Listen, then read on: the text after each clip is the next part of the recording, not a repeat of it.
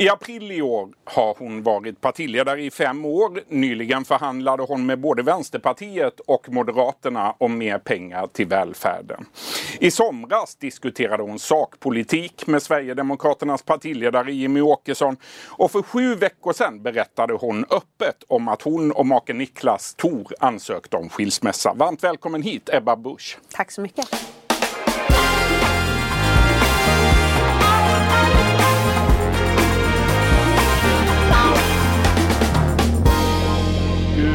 Ska backa tillbaka till den 25 april 2015. Mm. Den dagen valdes du till ny partiledare för Kristdemokraterna efter Göran Hägglund. Blev jobbet som du hade tänkt dig?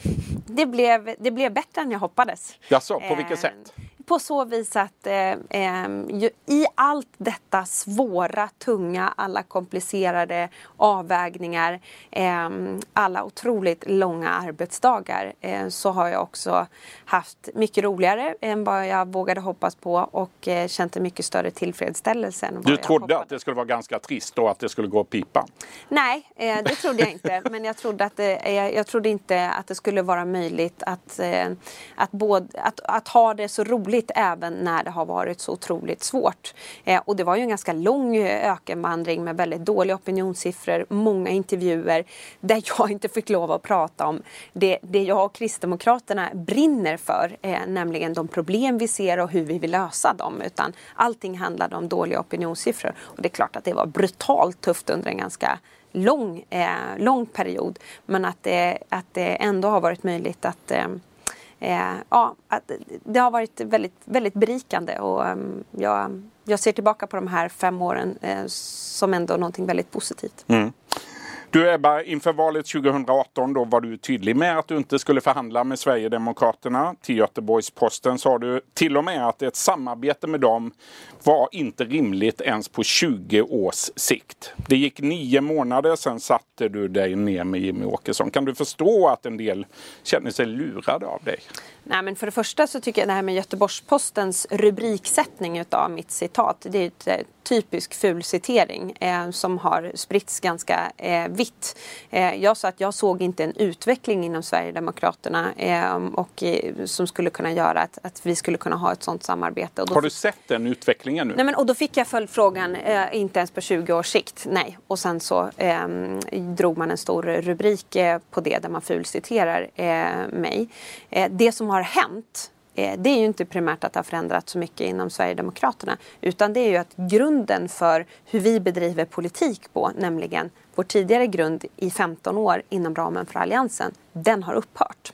Och till följd av det tog vi då ett beslut där vi omprövade vår tidigare hållning kring att nej, men vi kan inte sitta ner och förhandla med partier som vi står väldigt långt ifrån. Vänsterpartiet och Sverigedemokraterna till exempel, där man har helt olika eh, ingång till politiken. Även om vi tycker lika i en enskild sakfråga så kan vi inte sitta ner och förhandla. Det var ju vår tidigare hållning. Den har vi omprövat. Så att det är två saker som har skett. Eh, hela grundförutsättningen att bedriva politik har ändrats och till följd av det så omprövade vi också vårt tidigare ställningstagande. Men kan du också se förändringar inom Sverigedemokraterna till det bättre? Ja men att säga att de är, inte har rört sig liksom, eh, sedan början på 90-talet, det, det vore ju att blunda för utvecklingen. Eh, det är klart att det har skett saker inom Sverigedemokraterna också. Men det är inte det som har varit avgörande. De, de förändringarna har inte varit så drastiska eller så dramatiska att vi har omprövat vårt beslut till följd av det. Utan det har varit annat som har gjort det. I december förra året då satte sig också moderatledaren Ulf Kristersson ner med Jimmy Åkesson. Innebar det att vi kom närmare ett konservativt block i svensk politik som du ser det? Nej, men det innebär att äntligen så bröts paria-doktrinen eh, ordentligt i Sverige. Det vill säga eh, antalet, person, antalet partier som hela tiden lägger mycket tid och kraft på att på att utgå ifrån vilka partier som det är okej att prata sakpolitik med och, eh, och inte. Och det tror jag det är en välgärning för eh, eh, liksom livaktigheten, kraften i den svenska demokratin, eh, i det parlamentariska arbetet i riksdagen. Men det var också en välgärning eh, för det svenska folket för nu är det fler partier eh, som är beredda att göra upp i sak och sätta Sveriges bästa i, ehm, i centrum. Hur är din relation med Centerledaren Annie Lööf idag? Ja, men just nu så är ju hon eh, föräldraledig så att vi har ju inte så mycket eh, politisk kontakt till följd utav... Eh, har ni privat kontakt? Det. Nej, men vi har hörts lite granna, eh, lite granna runt den situationen och, och, och, fortsätter att ha någon slags löpande eh, kontakt och det är jag väldigt mån om att kunna fortsätta hålla. Men det här politiska nära samarbetet som eh, jag hade med, eh, med Centerpartiet och med Liberalerna tidigare, det, det finns ju inte längre. Känner du att hon svek dig och eh, Kristdemokraterna? Men jag har aldrig tagit det liksom så personligt som man gärna vill måla upp det. Och man vill gärna också måla upp det som någonting personligt mellan mig och Annie Lööf. Och det, det värjer jag mig verkligen eh, ifrån. Var Centerpartiet svikare? Eh, ja, absolut. Eh, självklart. Men jag tycker ju att Jan Björklund får eh, oförtjänt lite skit. Jaså? ja, ja. Därför att... Eh, För han var en lika stor kålsupare här? Ja, absolut, absolut. Eller kanske en ännu större? Ja, och där kan jag tycka att, eh, att det är, en ganska, det är ganska intressant att försöka analysera drivkrafterna bakom att man då eh, ofta väljer att ställa liksom, kvinnorna mot varandra. Så det är ju, eh, Liberalerna var absolut, eh, och, och Jan Björklund personligen, fullkomligt avgörande för att det inte blev någon ehm, alliansregering och att det aldrig ens prövades i en votering i kammaren. Men jag kan också känna jag är så förbi det där. Alltså för mig, det gick ju ganska snabbt för oss. Okej, okay, fine, det blev inte alls som vi ville. Stor upprördhet över det. Okej, okay, men vad, vad, finns vi till för? Finns vi till över att älta det eller finns vi till för att lösa problem? Jag tycker om att få saker och ting gjort och därför satte vi oss omedelbart ner och, och funderade på vi måste ändra vår parlamentariska strategi om vi inte bara ska sitta och skrika opposition i fyra år. Vi, må, vi vill få till verkstad och vi vill kunna ge Sverige en ny regering framåt. Då ändrade vi vår strategi. Nu samtalar vi med alla. Moderaterna följde efter det, vilket jag är glad över. Och nu i januari 2020 så ser vi ett resultat som ingen hade kunnat förvänta sig för ett år sedan. Nämligen en politisk liksom, tilläggsbudget framförhandlad mellan KD, Moderaterna och Vänsterpartiet som Sverigedemokraterna stödjer. Och då blir det action, det händer någonting. Väljarna får också valuta för sin röst. Det blir mer pengar till välfärden. Jan Björklund borde ha fått mer skit men han är ju inte kvar. Nu heter hans efterträdare Nyamko Sabuni. Hur ser dina samtal med henne ut då? Nej, men det, dels så finns det ju stor fördel att båda våra partier finns på samma våningsplan i riksdagen. Så att vi stöter ju på varandra lite nu och då även när vi inte har inplanerade möten. Eh, men där upplever jag att det finns liksom en, en, en öppenhet för att hitta eh, uppgörelser där det går. Men det är klart att jag skulle vilja se att även Liberalerna eh, inte lika ofta sa tyvärr, vi kan inte göra upp om det här för att vi är bundna utav januariavtalet även om vi tycker lika.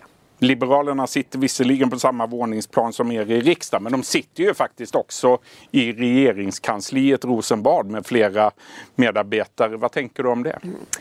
Nej men Ja, jag kan se det där från två perspektiv. Dels så markerar det ju tydligt det, det vägval som Liberalerna hittills har, har tagit.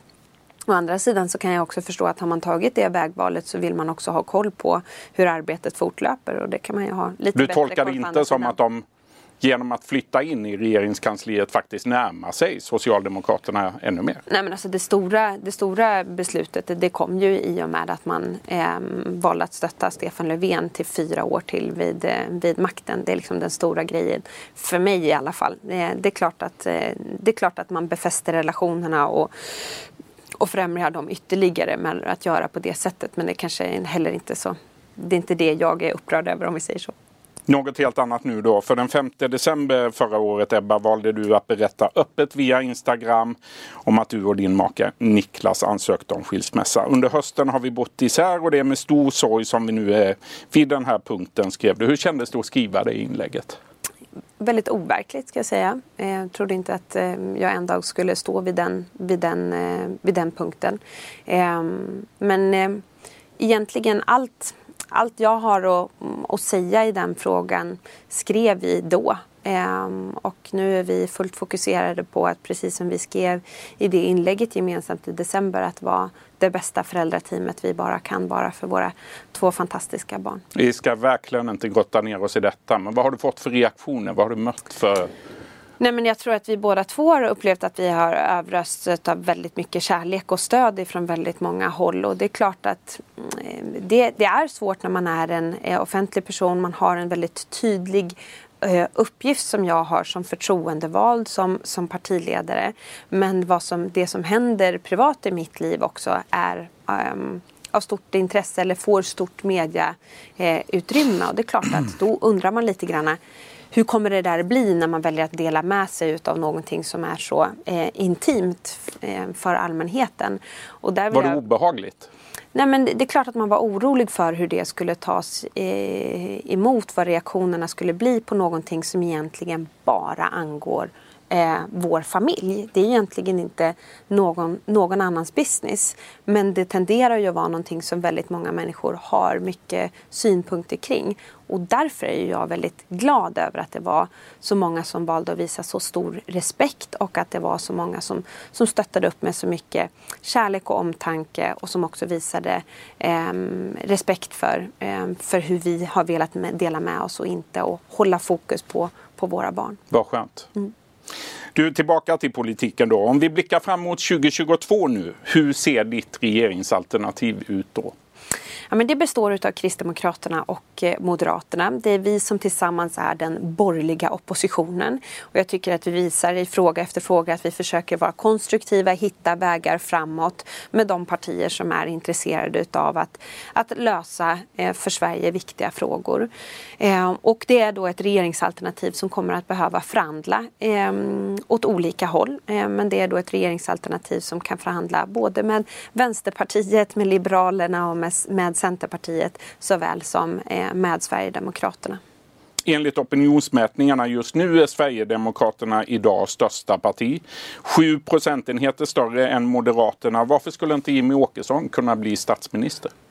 Ja, därför att eh, han helt enkelt inte kommer att ha tillräckligt med stöd för att bli eh, statsminister. Och det är ju ingen som, det är ingen som vet om han kommer att ha det eller inte. Men jag tror att de bästa förutsättningarna för att liksom, kunna få ett tillräckligt brett stöd eh, och leda en, en borgerlig regering, det är ju Ulf Kristersson. Du har just kommit hem ifrån en ny resa i Norge, Oslo. Mm. Du har träffat Norges statsminister Erna Solberg. Vad sa ni till varandra och vad har du att lära av henne? Ja, men Erna Solberg är ju alltså eh, cool, eh, så cool, kavlugn eh, trots en väldigt turbulent tid i, eh, i politiken i Norge.